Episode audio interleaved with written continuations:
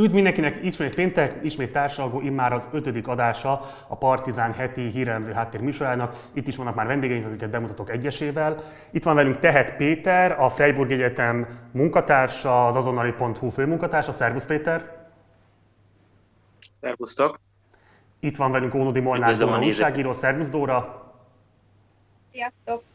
És itt van velünk Gergely Márton, a HVG vezető szerkesztője. Szervusz Márton! Ha-ho. És akkor kezdjük is az első témánkkal. Május 1 van, ami ugye a munkások ünnepe, de ünneplésre semmi oka a magyar dolgozóknak, bérből és fizetésből élőknek. A nagypénteki rabszolgatörvény értelmében egy, egy oldalon rendelhetnek el a munkáltatók két éves munkaidőkeretet, ráadásul a törvény arról is rendelkezett, hogy csak akkor jár a megszorult cégeknek a bértámogatás, ha, idézem, hitelt érdemű módon alátámasztják, hogy a munkavállalók megtartása nemzetgazdasági érdek. Öröm az ürömben, hogy mostantól papírja a Mészáros lőrésznek arról, hogy a gazdagodása nem tekinthető nemzetgazdasági érdeknek. Legalábbis elrenget következtetni, hogy a Mészáros tulajdonban lévő Hungest Hotelsnél több mint 50%-os elbocsájtást indítanak májustól. Emellett csoportos létszámleépítés jön a Budapest Airportnál, illetve a Bosch és a Continental egyetlen nap alatt közel ezer főt bocsájtott el. Az ATV birtokába került az Innovációs és Technológiai Minisztérium belső számítása szerint már 320 ezer felett van a munkanélküliek száma az országban. Az Ipsos felmérése szerint a magyarok 7%-a vesztette el az állását a járvány kezdete óta. Ezek az adatok március végi, április elejé állapotokról adnak számot, azóta a helyzet okkal feltételezhetően még drámaibb lett. Mindezt megfelelendő pedig a kormányzat szintén a hónap elején bejelentette, 20 ezer közalkalmazottól fognak megválni, akik eddig a kulturális és a közművelődési területen dolgoztak. Ez a kérdés, mit lehet elmondani a bérből és fizetésből élők helyzetéről 2020. május 1 alkalmából Magyarországon, és akkor elsőként azt kérem, hogy Mártonnál legyen a szó, és aztán utána haladjunk Dórán át egészen Péterig. Tessék Márton!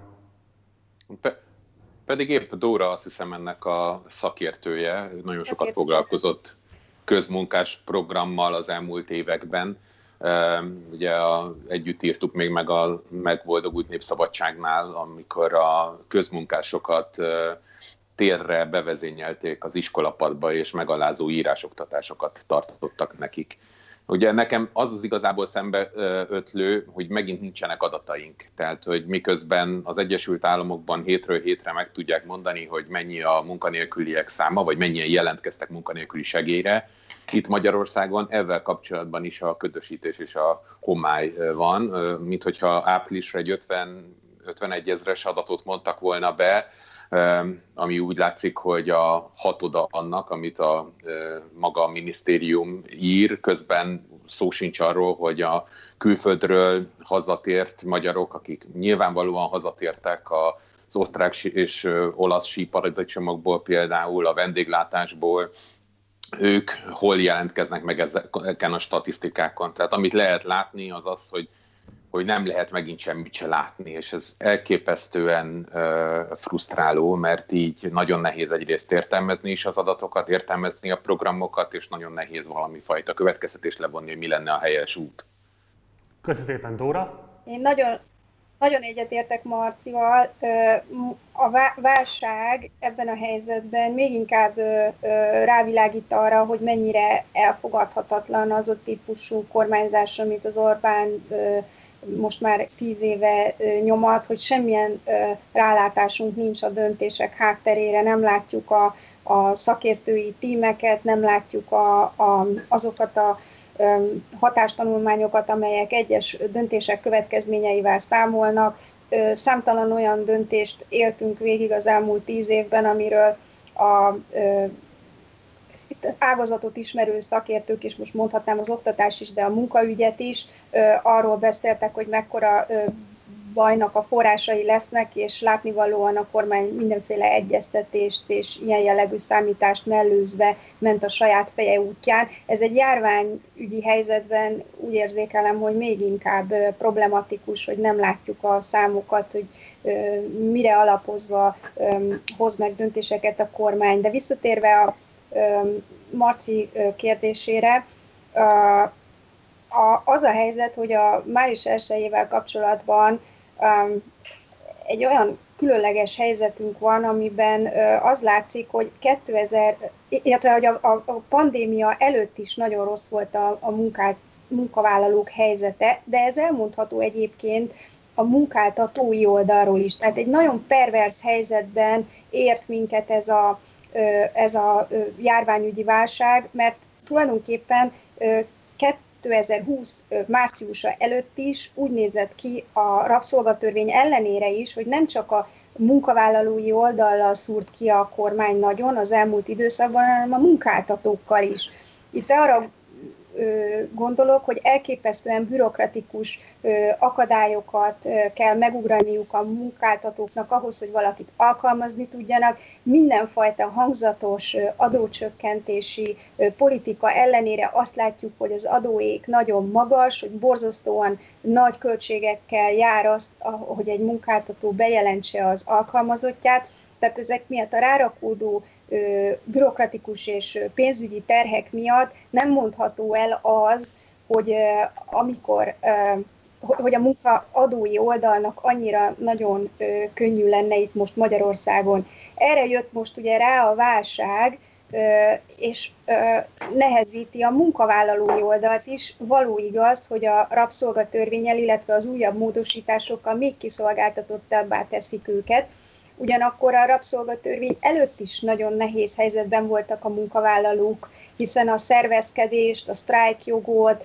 a, egy, egyáltalán mindenféle olyan ö, akadályokat gördített eléjük is, amik a hatékony érdekképviseletet nehezítették. Tehát, hogy ö, összefoglalva annyit mondanék csak, hogy, hogy, hogy igen, nagyon ö, súlyos helyzetbe kerülnek most a munkavállalók, de a munkáltatók is, tehát hogy ez egyszerre jön elő most az elmúlt tíz évnek a, a, a rossz politikája ezen a fronton is.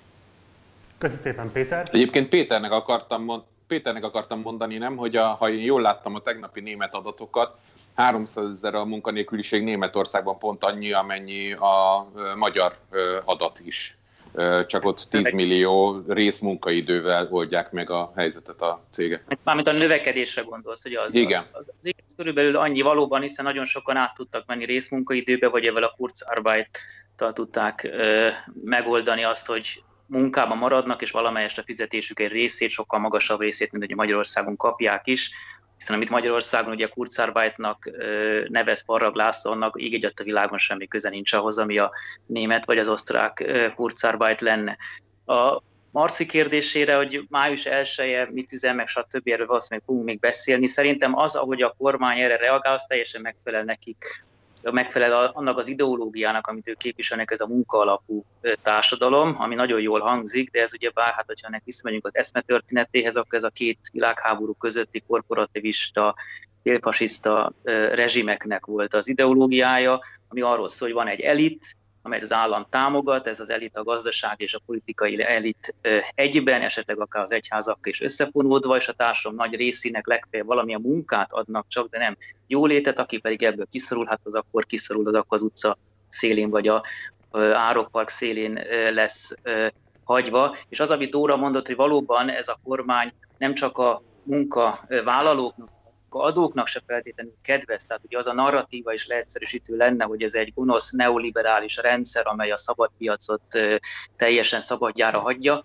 Az is teljesen igaz, ugyanis ez a kormány nem is neoliberális, ez valóban ezt a politikát folytatja, hogy egyrésztről a munkaadókat is abban korlátozza, hogy ugye a versenyt korlátozza, másrészt pedig a munkavállalóknak pusztán tényleg a munkát biztosítja, de nem abban az értelemben, hogyha elveszik a munkájukat, akkor valamiféle jólétet, vagy valamiféle további egzisztenciát is akarna nekik adni. Tehát önmagában ez a válság valamilyen módon rámutat talán ennek a rendszernek ezen anomáliáira, hiszen például az, hogy Magyarországon a munkanélküli segély az három hónapig tart, ez egyszerűen olyan, amit Nyugat-Európában, de szerintem Közép-Kelet-Európában is nagyon hiszel senki, tehát ez egyszerűen hihetetlen. Három hónap alatt lehetetlen állást talán, hogyha valaki elveszti a munkáját, és elkezd keresni valamilyen új hely után. És ezen se változtatott a kormány. Tehát itt eleve egy olyan rendszerből indultunk neki a válságnak, amely pusztán az embereknek annyit ígért, hogy ha van gazdasági konjunktúra a német gazdaságra rákapcsolódva, akkor lesz nektek valami a munkátok, ha nincs gazdasági konjunktúra, akkor meg nem lesz munkátok. De én értettem rosszul Orbán Viktort ma reggel, amikor azt mondta, hogy a három hónapos munkanélküli segét kiegészítik egy három hónapos megélhetést nem biztosító pénzzel, aminek alternatívájaként felajánlják egyébként a közmunkát és más dolgokat. Tehát itt, mintha megint az zajlana, hogy a kommunikáció változatlan szinten hagyása, meg a kommunikáció változatlan ideologisztikus körítése mellett azért csak rászánták volna magukat egy plusz három hónapos juttatásnak a kifizetésére, még ha nagyon alacsony szinten is. Biztos, hogy valamire kell reagálniuk, mert értem szerint nekik sem, már csak egyszerűen politikai okból se éri meg az, hogy, hogy esetleg rájuk szakadjon több százezer munkanélkül, hiszen az értelmszerűen majd nem rájuk fog szavazni például a választásokon. Csak látható, hogy egyszerűen az egész politika arra megy ki, hogy bizonyos nagyon minimális segélyekkel ezeket az embereket akkor legfeljebb nem az árokba lökni, hanem az árparton hagyni. Én nem úgy értettem, Marci, hogy meghosszabbítják jövedelempótló támogatással. Én szerintem itt a miniszterelnök a foglalkoztatás helyettesítő támogatásra utalt, de valóban nem tiszta az a kommunikáció, ez a ma reggeli rádiós interjúja volt, amiben egyébként elég hátborzongató dolgokat mondott, mert azt mondta, egyrészt elismerte, hogy ebből a foglalkoztatás helyettesítő, illetve itt úgy fogalmazott, hogy jövedelempótló támogatásból nem lehet megélni. Egyébként nagyon sok embernek ez a egyetlen jövedelemforrása, tehát örülök neki, hogy a miniszterelnök úgy látja, hogy ebből nem lehet megélni, de több százezren kényszerülnek ebből megélni, de ez most egy zárójel. De ő azt mondta, hogy e, ehelyett, tehát hogy ne erre kényszerüljenek az emberek, hiszen ebből valóban nem lehet megélni, majd ott lesznek a, a közmunkák, amit nyilván uh, fönn fog tartani továbbra is, illetve az életerős fiataloknak ott a hadsereg, mondta ma reggel a rádióban.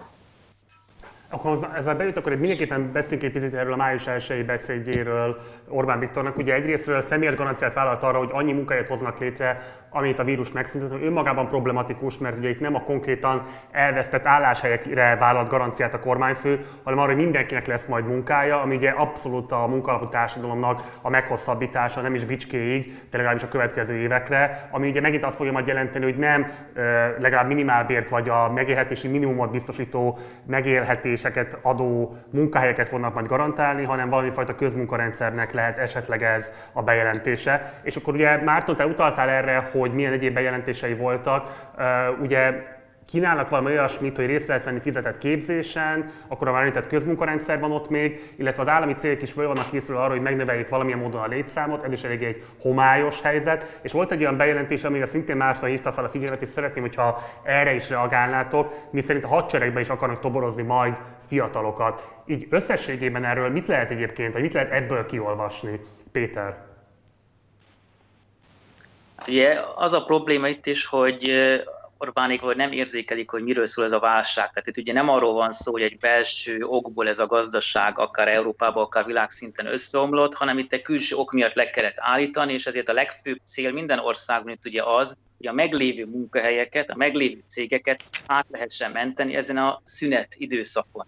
Tehát itt nem arról van szó, hogy az állások azért szüntek meg, mert a cégek rosszul gazdálkodtak, és egyszerűen ezeket az embereket most át kéne menteni, nem tudom én, a hadseregbe, hanem arról van szó, hogy egy külső okból meg kellett szüntetni a termelést, a fogyasztás is visszaesett, stb. Tehát ennek révén az államoknak épp, hogy azt kéne szolgálniuk, hogy mindenki megtarthassa azt a munkáját, ahol jelenleg is van. A cégek tudják aztán majd folytatni azt a termelést, amit eddig is csináltak, csak most ezt a egy-két-három, akár hat hónapot valahogyan húzzuk ki, és adjunk ezért a cégeknek is direkt támogatás, és az embereknek is direkt támogatás, és főleg azzal a céllal, hogy valóban abban a munkában maradhassanak, amit eddig csináltak. Na most az Orbán pedig az egész úgy reagál, mintha már eleve tudomásul vett, hogy itt akkor cégek tönkre mennek, emberek elveszik a munkájukat, úgyse fognak tudni már visszamenni oda, ahol eddig dolgoztak, akkor rakjuk be őket a hadseregbe, vagy egyéb olyan helyekre, ahol az állam úgymond föl tud venni ö, embereket, hiszen eleve nem ugye a gazdasági racionalitás határozza meg, hogy egy hadseregnek mekkora a száma, tehát valóban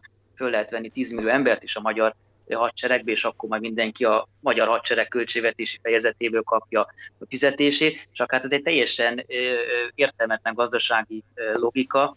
Ez megint egy ilyen voluntarizmus mutat, ami megjelenik az egész gazdaságpolitikájukban is, hogy nem érzékelik a válságnak a, a lényegét, amire itt nekik reagálniuk kéne.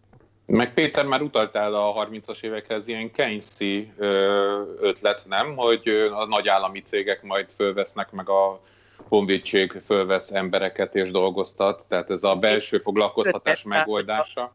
Én már látom Igen, magamat csákányozni. A hadsereg ugye eleve nem folyik termelés, tehát hogyha itt az lenne a válasz, hogy akkor nagyon nagy programokat beindítani, és nem tudom én még több autópályát építeni, az még valamelyest érthető lenne, de ugye épp arról van szó, hogy a 30-as években ezek a Keynesi válaszok éppen arra szolgáltak, hogy akkor a gazdaság egy belső okból omlott össze. Tehát akkor nem lehetett azt mondani, hogy az emberek menjenek vissza a korábbi munkahelyükre, mert az megszűnt, az a gazdaság tönkrement. Most nem erről van szó, most az Orbániknak azon kéne dolgozniuk, hogy az cégek, ahogy most vannak, ahogy a válság előtt voltak, úgy tudjanak aztán majd, nem tudom én, szeptember 30-ával újraindulni, és az emberek azon a helyükön tudjanak maradni a, a, a, a munkájukban, és nem az, hogy betolni őket ilyen alapvetően tényleg voluntarista módon könnyen létrehozható tevékenységekbe, de amelyek az embereknek nem fognak valószínűleg bizonyosan magas életszínvonalat adni, másrészt pedig hát azért az emberi méltóságot is vegyük ide. Tehát ez most mit jelent, hogy valaki eddig szakácsnak készült, vagy, vagy, vagy múzeumban dolgozott, és akkor ő most akkor innentől kezdve menjen el katonaságba? Tehát ne lehet, nem ez volt az élet célja. Mi, én már látom magunkat a Dórával egyébként csákányozni a Belgrád-Budapest vonat úton szórni a köveket. Mi mindenképpen hát, teszik a kamerához, azt ígérhetem. hogy azt hiszem, hogy elkésett a, a, a kormány azzal, hogy, hogy hat, hathatósan munkahelyeket védjen meg, Nyilván az érzékelhető az elmúlt évek politikájából, hogy Orbán ragaszkodik ahhoz, hogy ne szaladjon nagyon el a hiány, ehhez következetesen tartja magát, és nem koncentrált arra, hogy csak szavakban, hogy, hogy odaálljon a hogy egy közös felelősség legyen kormány, munkaadó és munkavállaló között, hogy megtartani a munkahelyeket, lehet, hogy kisebb bérekkel, lehet, hogy minimális közteherviseléssel, de valahogy ö, ö, megta- ez nem történt meg, tehát ez látszik, mert márciusban ezt meg kellett volna tenni. Ö, a mi lett volna, ha kérdését felvetni helytelen, de azért azzal lejátszanék azzal a gondolattal, hogy ha akkor időben segítséget nyújt a cégeknek és a munkavállalóknak bérkiegészítés formájában, akkor a nyitásnál egy sokkal erősebb vállalkozói réteg tudná újra kezdeni a, az életet, és ahogy Péter említette, hogy itt nem strukturális átalakításokra van szükség, mert a, a gazdaság szerkezetében nem volt olyan diszfunkció, ami egy ilyen válságba torkolott volna, tehát itt a lassú talpraálláshoz jobb lett volna, ha úgy vágunk neki, hogy a cégek meg a vállalkozók erősebbek. És ezt a támogatást nem adta meg az Orbán, ez látszik ebből az elképesztő számadatból, amit a az adás elején hallottunk, hogy naponta hány munkanélküli kerül ki, és most már közel 7-8, sőt vannak olyan besések, amelyek szerint már a munkavállalók 10%-a, tehát a korábban dolgozók 10%-a kim van a munkanélküliségi ellátásban, tehát a munkanélküliek között borzasztóan nagy hibának tartom azt is, hogy a három hónapos, amit már be, amiről beszéltünk, három hónapos munkanélküli ellátásról szó nincs, hogy azt megemeljék, hiszen annak már van egy negatív tapasztalata a 2012-es, 13-as időszakból. Tehát tudtuk, hogy az akkori válságban, ami ugye 2010 után kezdett egyre mélyülni, hogy az Orbán lecsökkentette 9 hat majd három hónapra a, az ellátási időszakot, azzal milyen károkat okozott a gazdaságnak. Azt láttuk, hogy abban az időszakban, abban a pillanatban, hogy elindult egy kis konjunktúra, befújt a frisszelőt a gazdaságban a, a, a, a Európai Unió többi tagállamában a különböző monetáris politika lehetővé tette, hogy, hogy elinduljon, azonnal kiszippantotta a magyar munkaerőt, amelyik képes volt, diplomás volt, alkalmazkodó képes volt, szakmája volt. Tulajdonképpen a, az egyik fő összetétele volt a tömeges ö, ö, kivándorlásnak az, hogy annyira lehetetlenné tették a magyarországi ö, álláskeresést, és ennek a tapasztalatából, tehát hogy az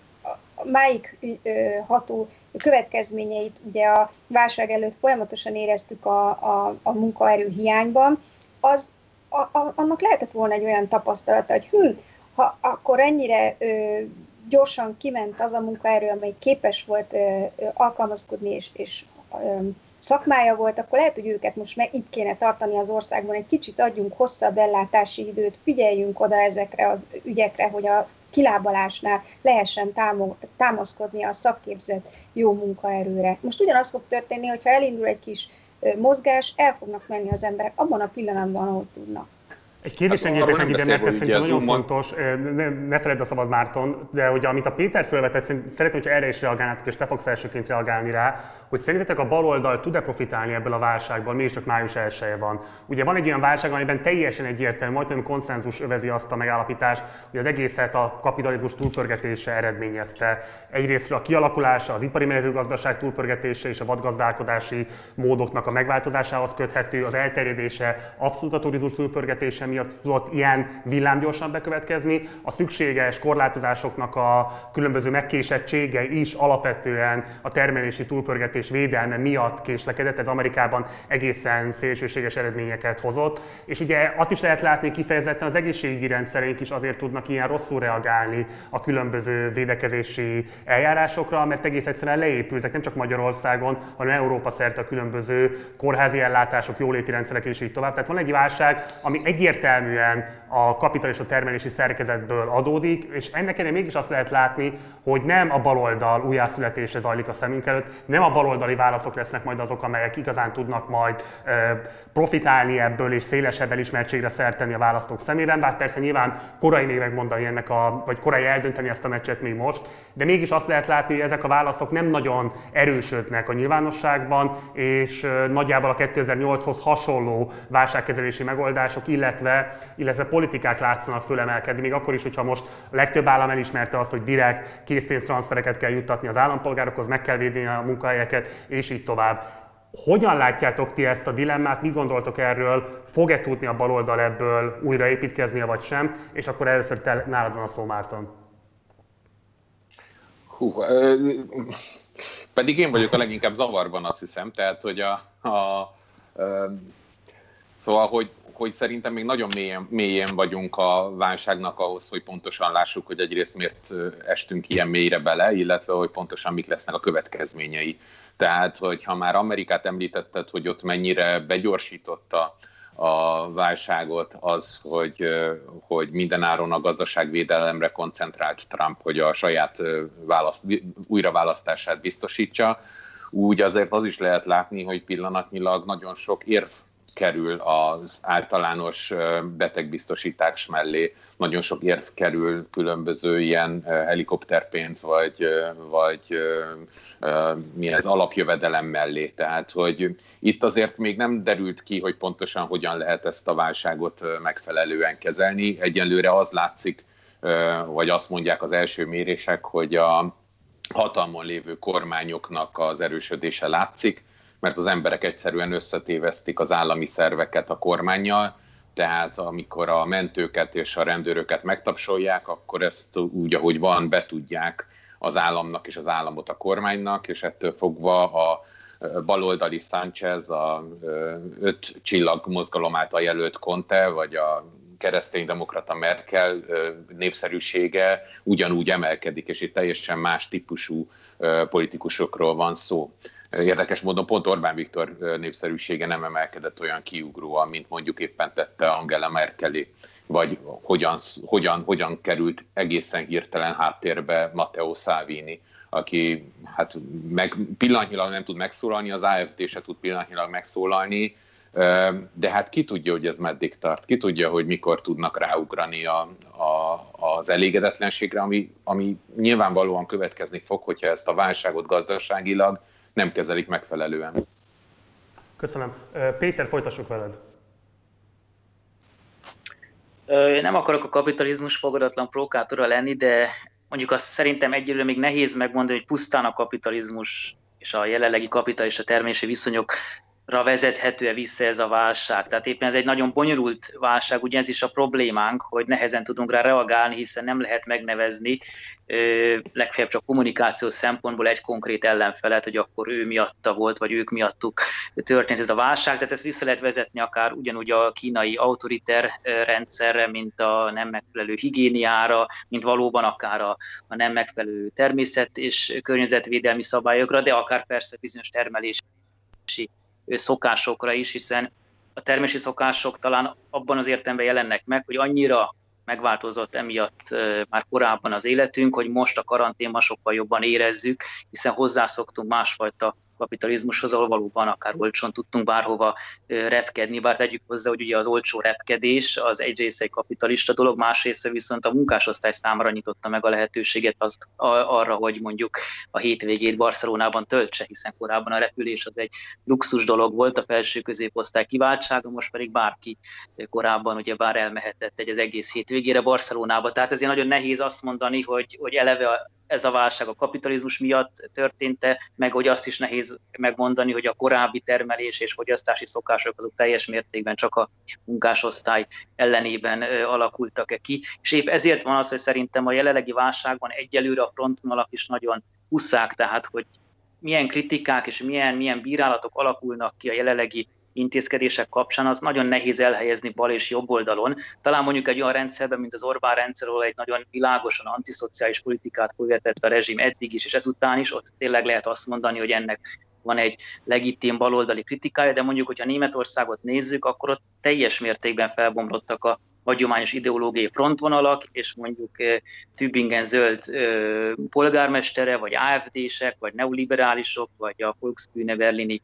színház egykori közismerten szélső baloldali rendezője együttesen mondják azt, hogy föl kell lázadni, és nem lehet elfogadni, hogy itt az emberi életvédelmében korlátozni akarják az emberek szabadságát. Ugye Wolfgang Schäuble, a Bundestag elnök azt is mondta, hogy az emberi méltóság az előrébb való, mint az emberi élet, és a jelenlegi korlátozásoknál az emberi méltóságot sértenék. Egyébként ebben neki jogilag teljesen igaza is van a német alaptörvény értelmében az emberi méltóság a, a korlátozhatatlan alapérték, és nem az emberi élet. Másik oldalon pedig ott vannak szociáldemokraták, keresztény szociálisok, a CDU nagy része, de még a zöldeknek a nagy része, és akik pedig azt mondják, hogy ez egy, ez egy olyan, olyan rendkívüli helyzet, hogy itt nem a gazdaságra kell figyelni, meg emberi méltóságra, meg érdekes jogász vitákra, hanem itt az életet kell menteni, és akkor addig kell leállni a gazdaságnak, ameddig akár nem találunk ellenszert a vírusra. Másrészt ugye az a vita is felmerül, hogy ezeket a döntéseket mi legitimálja, hiszen nagyon sok helyütt megjelenik az a probléma, hogy kialakul egy ilyen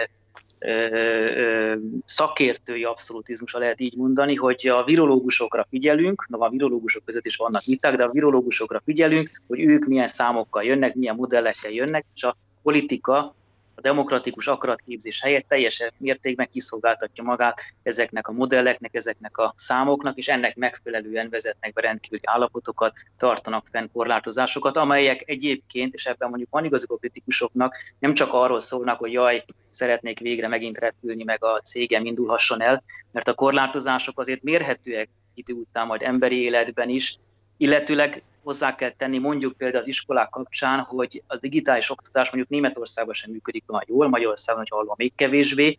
Az, hogy gyerekeket beszorítanak a négy fal közé, az óriási nagy esélyegyelőtlenségi problémákat okoz. Tehát, tehát az is érdekes, hogy ez a látszólag libertariánus kritikája a korlátozásoknak, hogy igenis fejezzük be, ezek mögött is lehet szociális tartalmat találni, mert tény és való, hogy, hogy ez a jelenlegi korlátozás nagyon sok esélyegyenlőtlenségi kérdés még inkább előhoz, még inkább az esélyegyenlőtlenségeket növeli, hiszen középosztálybeli emberek megengedhetik maguknak, hogy otthon home office vannak, és az Instagramra posztolják, hogy éppen milyen kenyeret sütöttek. Ez nem mindenki számára ugyebár opció. Tehát az is lehet, hogy éppen talán a munkásosztály érdeke az lenne, hogy sokkal hamarabb tudjanak visszamenni dolgozni, és a korlátozásokat befejezzék. Köszönöm szépen, Dóra! Totál egyetértek veled.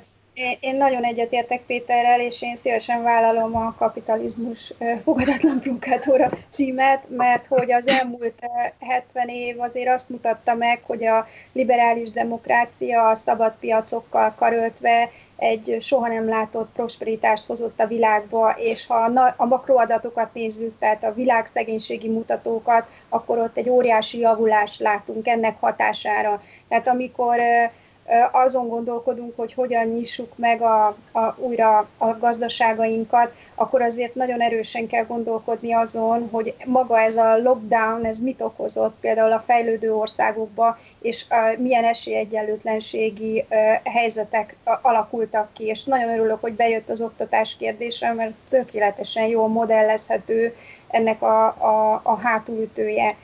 Um, úgyhogy én kicsit óvatosan azt mondanám, hogy ha visszatérünk a normál kerékvágásba, akkor mielőtt elkezdenénk radikális átalakításokat a termelési viszonyokba kialakítani, akkor, akkor azért gondoljunk arra, hogy milyen következménye volt ennek a hirtelen leállásnak. És nagyon nem jó ilyen modellszámításokat végezni, de valójában megkerülhetetlen lesz, hogy az, ami most a leállás következménye, az a tömeges munkanélküliség a fejlődő országokban, az az éhezés, az az elképesztő kiszolgáltatottság, amivel ők szembe fognak kerülni, hamarabb, mint a fejlett országok, de itt Magyarországon is látszik, hogy a harmadik világbeli szegénységben mit okoz ez a leállás. Az, azt azért az újraindításként figyelembe kell venni, hogy csak úgy lehet radikális átalakításokat végezni, a, akár mondjuk az igazságtalanságokra hivatkozva, akár a klímaváltozásra hivatkozva, hogy annak milyen következményei lehetnek a, pont a legszegényebbekre nézve. Igen, de csak gyorsan még, hogy a korlátozások most kicsit azért azt is megmutatják egyébként, hogy azok a fogyasztás kritikus érvek, amelyek nem is annyira a baloldalról, hanem inkább ugye a zöldek részéről szoktak megjelenni, azok egyébként egy ilyen helyzethez vezethetnének, amiben ma élünk. Ez a jelenlegi helyzet, ez igenis a felső középosztálynak alapvetően könnyen elviselhető, hiszen egészen biztos, hogy a felső középosztály otthon tud lenni, a gyerekeit tudja tanítatni, ha fölmennek a repülőárak, akkor ugyanúgy fog majd tudni utazni, legfeljebb nem is kell úgymond a prolikkal együtt ülnie a repülőgépen, szállodába, ő ugyanis tud, fog tudni továbbra is menni, tehát ezek a korlátozások a legkeményebben éppen az alsó középosztályt érintik, mert ott a gyerekeknek nem tudnak a szülők akkor a könyvtárat biztosítani, ott akkor akkor már nem lesz külföldi utazás, és a többi, és többi. Tehát nem véletlen egyébként nagyon érdekes úr, hogy számos országban ugye hát eleve a klíma kérdése az visszaszorult most a napirendről, de a zöldek is vesztettek a népszerűségükből. Tehát a németeknél... Mert nincsenek hatalmon, Péter, ezt nem teljesen értem a következtetéseidet, tehát mint hogyha az lenne a kritikát, hogy gentrifikálódott a zöldeknek a szavazó rétege. Tehát nem a ideológiai alapon kritizálott, hanem azért, mert meg tudja engedni magának, hogy repüljön, és, és esetleg nem akar együtt repülni a munkásosztálya. Ezt, ezt én nem tudtam igen, követni ideológiailag. Ugye a fogyasztóvédelemnek, az, vagy, a, vagy, a, vagy a túlfogyasztásnak a zöld kritikája az, az nem számol azzal, hogy a fogyasztás visszafogása az elsősorban mindig a, először az alsó középosztályt fogja érinteni. Tehát szerint nekem ez az ideológiai kritikám, lehet így mondani, hogy, hogy amikor ők azt mondják, hogy kevesebbet utazzunk, akkor az értelemszerűen azt fog jelenteni, hogy a, hogy a repülőjegy ár föl fog menni. Tehát azért az... ezt most leegyszerűsített szerintem, Péter, hiszen azért az mozgalmaknak a szociális komponensé igenis megoldható, és igenis gondolkodnak azon, hogyan lehet például a bizonyos utazási szokások visszaszorítását megoldani, szociálisan igazságos alapon. Tehát, hogy ez egy sarkított álláspont most pillanatban. Ez egy álláspont szerintem épp az, hogy a zöldek nem tudnak a mai válságban nagyon karakteres arcélet felmutatni, ez szerintem pont arra vezethető vissza, hogy nincsen azért még mindig ezek a válaszok, nincsenek ezek a válaszok pontosan kidolgozva. Tehát azt lehet látni, hogy a, ahogy a szélső... Hát mert nem profitálnak abból, hogy kormányon lennének, hiszen nincsenek. Winfried Kretschmann kormányon van Baden-Württembergben, és megnézném azokat a számokat, hogy milyenek a népszerűségi mutatói. Biztos vagyok benne, hogy sokat javultak ahhoz képest, hogy pár héttel ezelőtt hol álltak.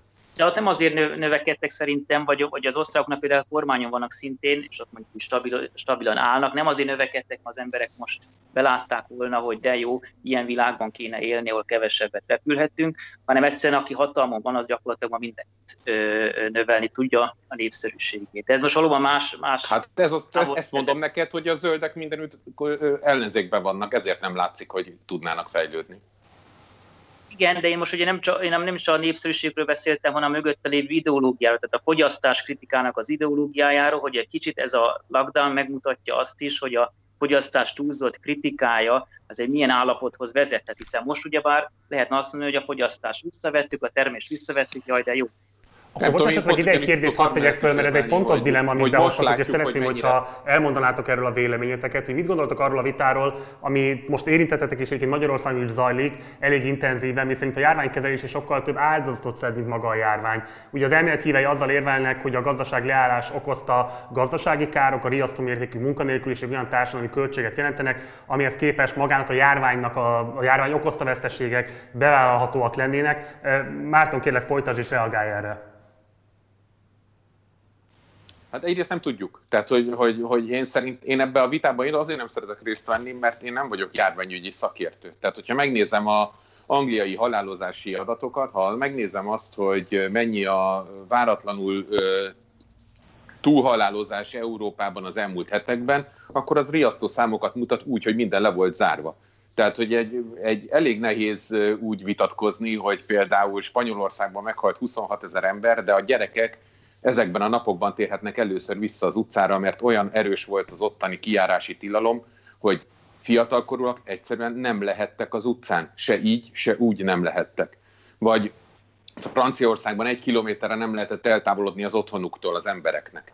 Tehát, hogy ilyen lezárások mellett tudták az adatokat Európában leszorítani.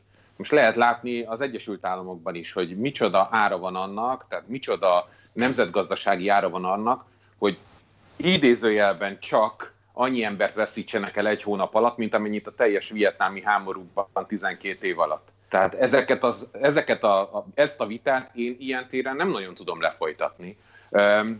Én szerintem sokkal érdekesebb az a, az a gondolat, hogy lehet-e ezzel a vírussal, ezzel a járványjal úgy együtt élni, hogy annak a terjedését minimalizáljuk ez a vita nem nagyon szokott lenni. Tehát, hogy ilyen durbele alapon szoktuk ezt játszani, hogy, hogy a gazdasági károk kontra emberélet. Én szerintem nagyon furcsa ez, mert egy idő után le lehet szűkíteni arra, hogy pénz vagy élet, és akkor én biztosan életpárti lennék. Hogyha nem erre szűkítjük le, akkor meg lehetne gondolkodni azon, azon, hogyan lehet ezt a kettőt összehozni. Ugye erről volt sok érdekes cikk, amit írtak. Itt Magyarországon olyan fokon információ hiányosak vagyunk, hogy leragadunk ebben a sarkított fekete-fehér játékban. Tehát amikor a Péter elmesélte a németországi vitát, akkor azért van ez a németországi vita ilyen éles, mert egyrészt van egy ország, amelyik a vita kultúrájára büszke, Második, másodrészt azért, mert elképesztő mennyiségű adattal rendelkezik arról, hogy mi zajlik az országban. De mindenki lehet önálló szakértője a járványügynek, hogyha elolvassa a napi jelentéseit a Robert Koch állami intézetnek, ami elképesztő mennyiségű oldalról mondja az információt. Magyarországon információt csak a halottaknak a korára, nemére és előbetegségeire kapunk, ami azóta is fölháborít, hogy kitették mert olyan fokú kegyeletsértésnek tartom, amit egyszerűen nem engedhet meg egy ország magának. De ezentúl nem tudunk információt. Nem tudunk róla hogyan vitatkozni. Most a Péterrel belementünk egy vitába a fogyasztásról, mert ugye sok ember érzi azt, két fal, négy fal közé zárva, azt is érzi, jó, lehet, hogy ez a kiváltságos réteg, hogy egyébként bizonyos kiadások nélkül is meg vagyok bizonyos dolgokról is le tudok mondani, tehát hogy el lehet gondolkodni azon, hogy tényleg feltétlenül szükséges volt-e az a fajta ruha vásárlási szokás, amit, amithez hozzászoktam az elmúlt években, csak azért, mert már szezon közötti divat hullámokat is árulóba bocsátanak a fast fashion oldalak. Tehát, hogy nagyon sok mindenről lehet itt vitatkozni, csak Magyarországon pont a vitának az alapjai nincsenek meg az adatok, és ez borzalmasan felháborít. Nagyon köszönöm. Hát jó, hogy behoztad a fast fashion cégeket, mert a, a Bangladesben most éppen nagyon-nagyon súlyos helyzet alakult ki a fast, fashion cégek összeomlása miatt. Ugye visszavonták a következő hónapokra, következő fél évre szóló megrendeléseiket a nagy cégek, és százezrek maradnak úgy munkanélkül, hogy tényleg nincs, tehát semmilyen jóléti háló nincs, ezek az emberek, főleg egyébként vidéki és mély szegénységben élő nőknek minden lehetőségük a pénzkeresettől megszűnt. És ez egy nagyon fontos felelősség, amikor beszélünk a fast fashionnek a, a visszaszorításáról, hogy egyébként meg mi lesz azzal a elképesztő tömeggel, akik egyébként ebből éltek. Szóval, hogy a, a, hely, esélyt ad nekünk arra a, a járvány, hogy egyébként a nagy hangzatos és egyébként a klímaváltozásra gyakran hivatkozó jelszavainkon elgondolkodjunk, hogy vajon milyen következményei lehetnek a későbbiekben. Szerintem ezt a vitát le kell folytatni, és nagyon fontos. Én úgy látom egyébként, hogy nem ö, gazdaság versus emberélet vita folyik, hanem emberélet versus emberélet. Tehát, hogy me, mik a áldozatok az egyik oldalon, hányan vannak, és hányan vannak a másik oldalon. Ez egy tök kegyetlen ö, számítás, de valójában ez folyik most. Mert azáltal, hogy ö, leállt a teljes gazdaság, emberek elestek egy csomó lehetőségtől, például az, attól, hogy ö, elvégezzék a szokásos szűrővizsgálataikat, hogy a krónikus betegségeikre kezelést kapjanak, hogy, hogy, hogy az életszínvonalukon keresztül egészséges életmódot biztosítsanak maguknak. Most mondtam három tényezőt, amik most mind olyan helyzetbe hozzák az embereket, hogy ezek megszűnnek, hogy valószínűleg ez hatni fog a, a, az életkilátásaikra is. Köszönöm. Hadd menjünk tovább a, harmadik, a következő témánkra, és akkor azt kérem Péter, hogy akkor veled kezdenénk, hogy arra reagálj majd elsőként. Ugye május 3-ára az holnap utánra várja a vírus tetőzését a magyar kormány, ehhez képest május 4-ével kezdődően a vidéki kiárási korlátozásokat lényegében el fogják majd törölni. Mindezt ugye három napos hosszú hétvége előtt, ami önmagában is problematikus, egyértelmű, hogy gyakorlatilag a mai naptól kezdve tízezrével fognak kirajzani a hetek óta elzárásban élni kényszerülő emberek az ország minden irányába. Hogy ennek milyen járványi veszélye lesznek, azt most még csak találgathatjuk, két hét múlva pedig majd elszenvedjük. A csütörtöki kormányinfon Gulyás Gergely mindezek mellett bejelentette, hogy reprezentatív tesztelésbe kezdenek, a kórházakba kerülteket és az idős otthonok dolgozóit is kötelezően tesztelni kell majd, illetve augusztus 15-ig az 500 főnél nagyobb rendezvényeket továbbra sem lehet megtartani, bár Szent Király Alexandra a kormányszóvő később pontosított és kiderült, hogy az ennél kisebb rendezvények megtartását sem engedélyezik. Ennek folyamányaként a Bánkító Fesztivál elsőként a nagyobb méretű nyári fesztiválok közül jelezte, hogy idén nem tartják meg a rendezvényt, majd a Sziget is kiadott egy közleményt, miszerint idén a Volt, a Balaton Sound és a Sziget Fesztivál is elmaradnak. Ez mintha mégis arról tanúskodna, hogy nincs okunk azt feltételezni, hogy az előttünk álló hónapok során, a nyár folyamán visszarendeződhetne az életünk a járvány előtti időszakban megszokottak szerint. Ha ez így van, szerintetek indokolt-e a vidéki korlátozások enyhítése? Péter. csak hogy nem vidéken élek most, de nem is Budapesten, tehát így nem tudom ezt teljes értékben összehasonlítani. Az biztos, hogy ez a május 3 ez egy teljesen önkényes dolog, tehát Orbán azt hiszi, hogy a járványvédelem is voluntarista alapon működik, hogy ő kijelöli, hogy mikor tetőzik a járvány, és akkor az akkor lesz szíves tetőzni valószínűleg arra reagál, hogy bizonyosan Magyarországon is nekik ugye vannak állandó felméréseik, van egyfajta nyomás, hogy, hogy legyen engedés, lazítsanak a, a korlátozásokon, látja azt is, hogy számos szomszédos országban is megtörténnek a lazítások, ugye Orbán maga azt mondta, hogy az osztrák modellt követi, ez egyébként egy nagyon jó hír, követhetné más téren is mindig az osztrákokat, és Ausztriában is ugye megindult a lazítás, tehát ő értelmszerűen erre akart reagálni, és akkor kijelöltek egy időpontot, ami valóban teljesen szerencsétlen, hogy az érettségivel esik gyakorlatilag egybe, és semmiféle, és ahogy a Márta mondta, semmiféle információ nincsen arról, hogy miért ezt az időpontot jelölték meg. Tehát tényleg valóban ezért nehéz Magyarországon a magyar kérdésekről vitatkozni, nem csak azért, mert Magyarországon van egy nagyon súlyos vitakultúra, ugye, ahol az ország egyik fele eleve nem is része a nemzetnek, akkor úgy nem lehet vitatkozni, hanem azért is, hogy nincsenek adatok. Tehát amikor Németországban van arról vita, hogy mondjuk május 27-én a kormány meg fogja hozni azt a döntést, hogy mit lehet még majd kinyitni, meg stb., akkor hozzá vannak rendelve adatok, ezeket az adatokat vitatják minden este közszolati médiában, az ARD-n, ZDF-en, számos talkshow-ban, ahol, ahol virológusok, politikusok, közgazdászok szétszintálják az aznapi adatokat, a kormányt, azok megvédik munkat, stb. Tehát az emberek le tudják követni, hogy körülbelül a kormány, amikor azt mondja, hogy mit tudom én, május végén nyithatnak ki a kisebb kávézók, akkor miért mondja ezt, milyen adatok alapján. Itt erre semmiféle lehetőség nincsen. Orbán Viktor valószínűleg egyszerűen kapott a század végtől olyan közönkutatásokat, amelyek szerint a magyarok már kezdik unni az otthon létet. Azt érzi, hogy Budapesten talán még nem engedheti ki az embereket teljesen az utcára, mert mégiscsak ott nagyobb a járvány, meg eleve Budapestet se kedvelik, hiszen az teljes mértékben kívül esik a nemzeten, tehát akkor a nemzet maradék része, azaz a vidék kapja meg azt a lehetőséget, hogy, hogy korlátozások nélkül éljen, de így, hogy tényleg semmiféle indoklás nincsen mögött, ez teljesen kényesnek ilyen értelemben mondhatták volna már ezt hamarabb is. Köszönöm szépen, Dóra. Nagyon érdekes látni azt, hogy mennyire el van késve a, a kormány, és hogy, hogy mennyire nem volt képes abból profitálni, hogy Olaszország és Spanyolország mine, miken esett át. Tehát nem tudom, mi okozta azt, hogy ennyire nem voltak rákészülve arra, hogy teszteljenek, és ennyire nem volt ez egy fő témája a kormánynak a tesztelés, a tesztelés, a tesztelés, hogy ennek az volt az oka, hogy egyébként ők mindent megtettek annak érdekében, hogy begyűjtsenek teszteket, de nem sikerült nekik, vagy az volt az oka, hogy nem valamilyen okból kifolyólag a, a voluntarizmusnak köszönhetően az Orbán nem bízott a tesztekben, azt nem tudom, de ugye most fognak felállítani, illetve most történik a napokban egy reprezentatív mintán keresztüli mérés, amit a SOTE rektora fog vezetni, és az ITM-mel, tehát a Palkovics minisztériumával közreműködve fognak elvégezni, egy nagyon fontos információt fogadni a magyar társadalom állapotáról a járvány tükrében hogy ezek, ezeket teljesen elkéstek.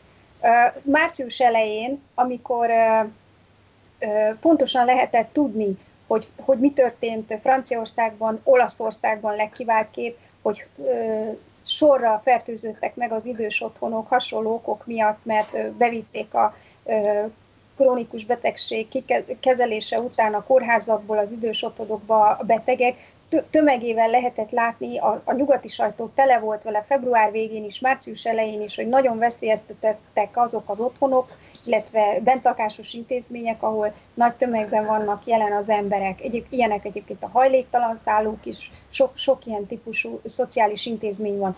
Hogy a túlóban van az, hogy Magyarországon hosszú-hosszú heteket kellett arra várni, hogy a kormány szóvivő ezt végre ö, kijelentse, és el, elmondja, hogy mostantól kezdve kötelező tesztelés lesz az idős otthonokban is, akkor. Tehát hogy mi, miért kellett ezt a két hónapot megvárnunk? Miért kellett azt megvárni, hogy ö, szétfertőződjenek ö, idős otthonok Magyarországon, amikor erre, a, erre vonatkozó tapasztalat megvolt? Én nem, lát, nem tudom ennek az okát, mert olyan szinten nem kommunikál tisztán a, a kormány, hogy nem tudom kihámozni, hogy, mi a, hogy, hogy ők megpróbálták, hogy tényleg volt egy erőfeszítés amögött, hogy a tesztelést például elterjesszék, és minél több ilyen tesztert beszerezzenek, és ez nem sikerült nekik, vagy egyszerűen tényleg tojtak bele, és azt gondolták, hogy nem érdekli őket, hogy mi történik az idős otthonokban, mert addig is rá lehet kenni azokra, akik az idős otthonok fenntartói.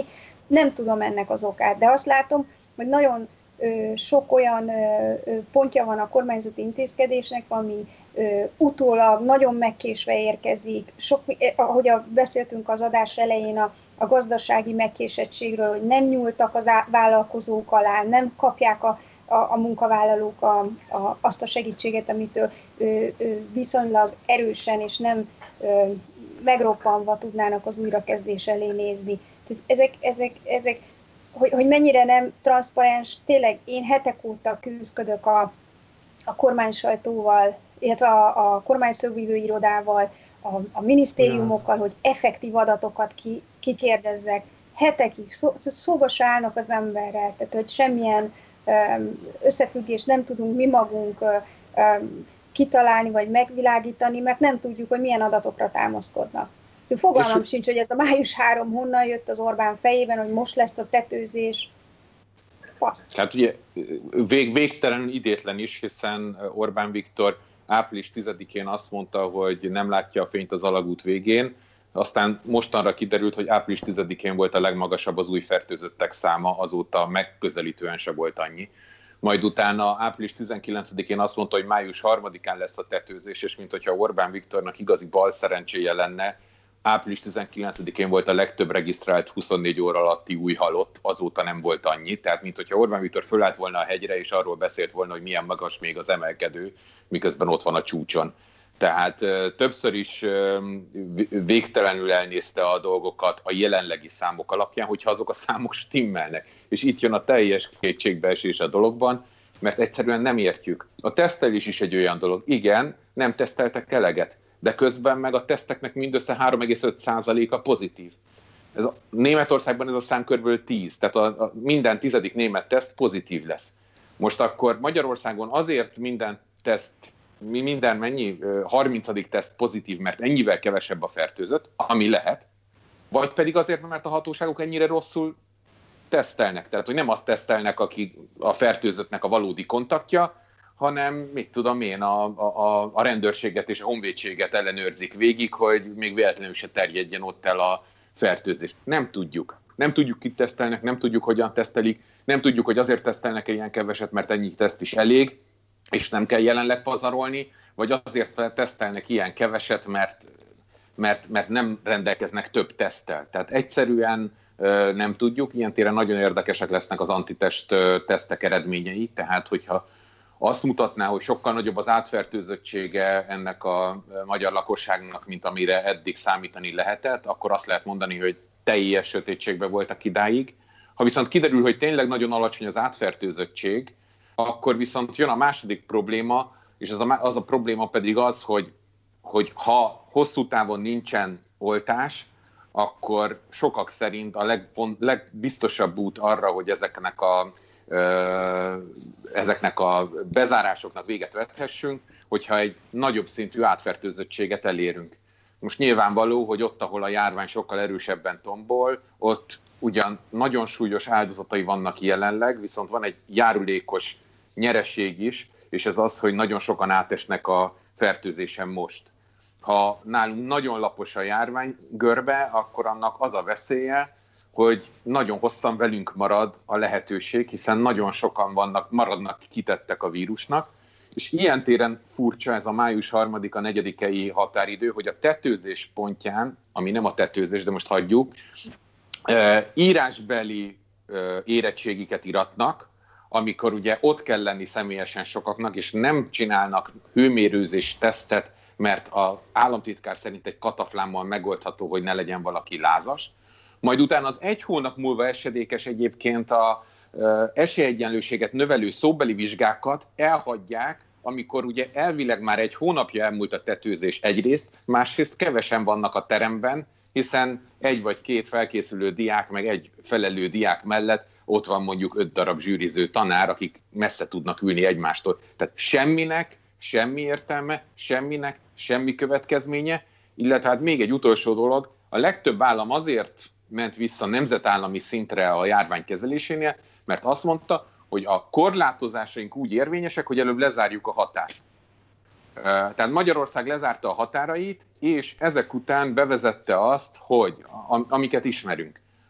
Most ugye úgy engedik ki vidéken az embereket, hogy Pest megye határában nem zárják le a határt, tehát, mintha a legfertőzöttebb részt úgy zárnák be, hogy csendben a legfertőzöttebb rész vigye ki egyébként a vidék teraszaira, meg a vidék strandjaira a fertőzöttséget. Itt nem lehet elmenni a Palatinusra, de elvileg ugye le lehet menni Velencére, már ha Velence önkormányzata maga nem zárja le az utat, és nem kéri el mindenkitől a lakcímkártyát. Egészen furcsa egy helyzet, mint hogyha valami fajtaképpen kiprovokálni akarnák, hogy az átfertőződés megtörténjen, de megint nem tudjuk mi a cél.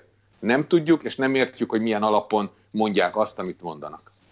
Egyetlen hát témára van már csak lehetőségünk, és ez mindenképpen legyen a Nemzeti Együttműködés Rendszerének tizedik éve, mindenképpen szeretném, hogyha ezzel kapcsolatban elmondanátok a gondolataitokat. Nyilván sok minden bennetek van ott az előző témával kapcsolatban is, de éppen ezért szeretném, hogyha legalább erre még lenne legalább egy körben lehetőségetek reagálni. Ugye, ahogy mondtam, tizedik évforduló, tehát kellene ünnepelni, de azért pesgőt bontani mégsem fogunk. Ugye a Policy Solutions készített egy átfogó kutatást az évforduló apropóján, amiből az derült ki, hogy szekértáborok mentén tört darabokra a magyar társadalom. Ahogy a kutatók fogalmaznak, az eredmények egy, a pártpolitikai csatározások zajától megsüketült, kormány ellenzéki szekértáborokban merevedett társadalom képét mutatják, ahol az alapvető szociodemográfiai különbségek már háttérbe szorultak a párt preferenciához képest, és az elsődleges társadalmi rendező elvé az uralkodó politikai osztályhoz való viszonyulás vált. A kutatásból az is kiderül, hogy a családtámogatást, a migráció elleni intézkedéseket és a rezsicsökkentést tartja a legfontosabbnak a magyar társadalom az elmúlt tíz év kormányzati intézkedései közül. Ezzel szemben torony magasan az egészségügyi állapota zavarja leginkább a magyarokat, még a fideszesek 46%-a is a három legfontosabb probléma közé sorolta az egészségügyi állapotát, ráadásul a kutatás adatfelvétele még a koronavírus járvány kirobbanása előtt készült. Ti hogyan látjátok az Orbán rezsim 10 évét? Szól egy ilyen nagyon egyszerű kérdés felétek, és akkor elsőként kérlek, Dóra, hogy te reagálj rá. Hát én nagyon elcsodálkoztam bár számítottam arra, hogy egy ilyen típusú közvéleménykutatást fogunk kapni, hogy ezt a három intézkedést fogják megjelölni az emberek, mint a legfontosabb intézkedés az elmúlt tíz évben, mert ha belegondoltok, ez egy teljesen pervers dolog. A családtámogatás az egy nagyon-nagyon szűk rétegnek szóló, tulajdonképpen egy jövedelem átcsoportosító intézkedés halom, mert én családtámogatásnak egy sokkal bővebb társadalompolitikai intézkedés csomagot jel, jel, neveznék, amiben benne vannak a, az óvodák, az iskolák, a felsőoktatás, egy, egy, amiben a gyerekeknek jövőképük van, amikor a szülők vállalnak gyereket, nem csak azért vállalják, hogy kapjanak 10 millió forint babaváró hitelt, hanem azért, hogy ezt a gyereket boldogságban, egészségben felneveljék, és jobb jövőt biztosítsanak neki, mint amit a szülő, szülők megkaptak annó. Tehát, hogy egy olyan dologra hivatkoznak, pozitív dologként, aminek hát ugye az eredményeit ismerjük, nem egy sikersztori ez a családtámogatás, nem hozta azt a várt eredményt, amit egyébként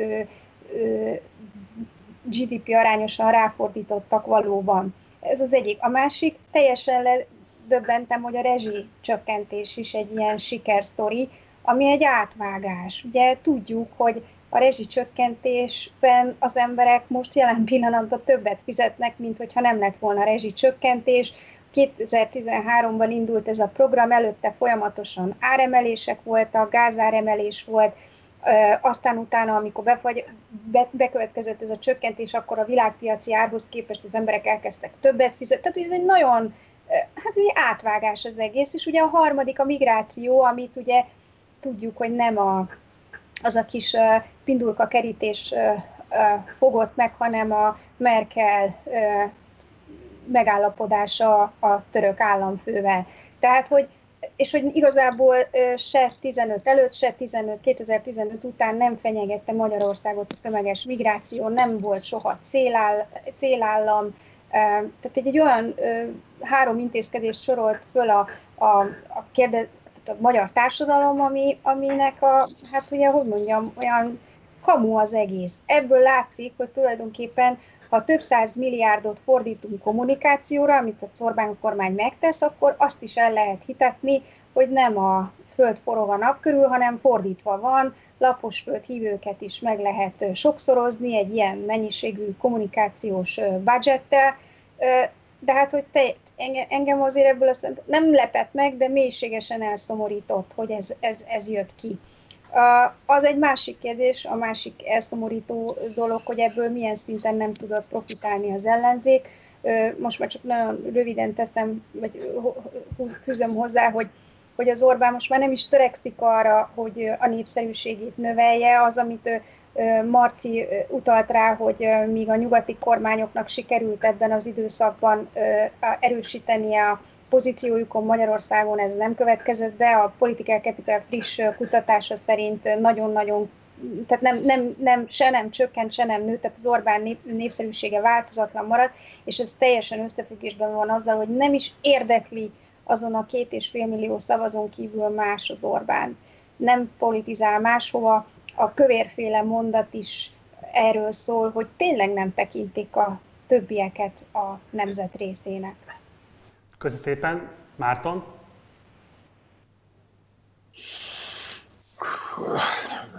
Tíz év NER. Én, én, én azt gondolom, hogy egyébként valami teljes szakadékot képezhet ez a koronavírus járvány egyébként ebben a Orbáni történetmesélésben. Tehát ugye februárban még azt mesélte, hogy a elmúlt száz év tíz legsikeresebb évén vagyunk túl, vagy a töretlen tíz legsikeresebb éven vagyunk túl, ami azért mondjuk Rákosival, meg gömbösökkel, meg másokkal terhelve mondjuk annyira nem egy elképesztően nagy teljesítmény, de, de jó erről is lehetne vitatkozni. De minden vissza van küldve a nullára, minden új helyzet reált vissza, és, és hát elréművel látom, elréművel látom, hogy Orbán Viktor is egy, egy teljesen más oldalról kezdi ezt a tíz évet, mint az előző tíz évet kezdte. Én úgy látom, hogy a, a, a teljes, tehát az ország minden részének, tehát minden hivatalos részének teljes kiszolgáltatottsága összeállt, senkitől semmilyen független információt, független hangot, független gondolatot nem hallunk, nem hallhatunk. Egy, egy ilyen borzalmas kitettségben vagyunk, és nem tudom, hogy meddig és hogyan, hogyan tart. Néha eszembe jut egy ilyen Agatha Christie regény, amikor a vihar lezárja a kis vidéki palotát a külvilágtól, és még mindenki nagyon udvariasan viselkedik, de a gyilkos már a házban van. Nem tudom, hogy mi következik, nem, nem tudom, hogy mi zajlik, és, és most igazából visszanézni nagyon nehéz. Az is biztos, hogy amit a Dóra mondott, kommunikáció, kommunikáció, kommunikáció, a vírus meg egy olyan dolog, ami, ami nem kommunikál, hanem inkább tényeket képez. És ez, és ez egy teljesen új helyzet, és a gazdaság is tényeket fog képezni, ami, amit, ami elkerült eddig az Orbán kormányt. Tehát egy olyan helyzetbe fogunk kerülni, amikor van egy láthatatlan veszély, ami a vírus, ami, ami nagyon nehezen kontrollálható, és van egy gazdasági veszély, ami meg egyenlőre beláthatatlan. Ez teljesen új helyzetet teremt a NER történetében, azzal párhuzamosan, hogy közben befejeződött az ország teljes centralizációja egyetlen egy kézben. És akkor innen jön a második fejezet. Köszönöm szépen. Péter?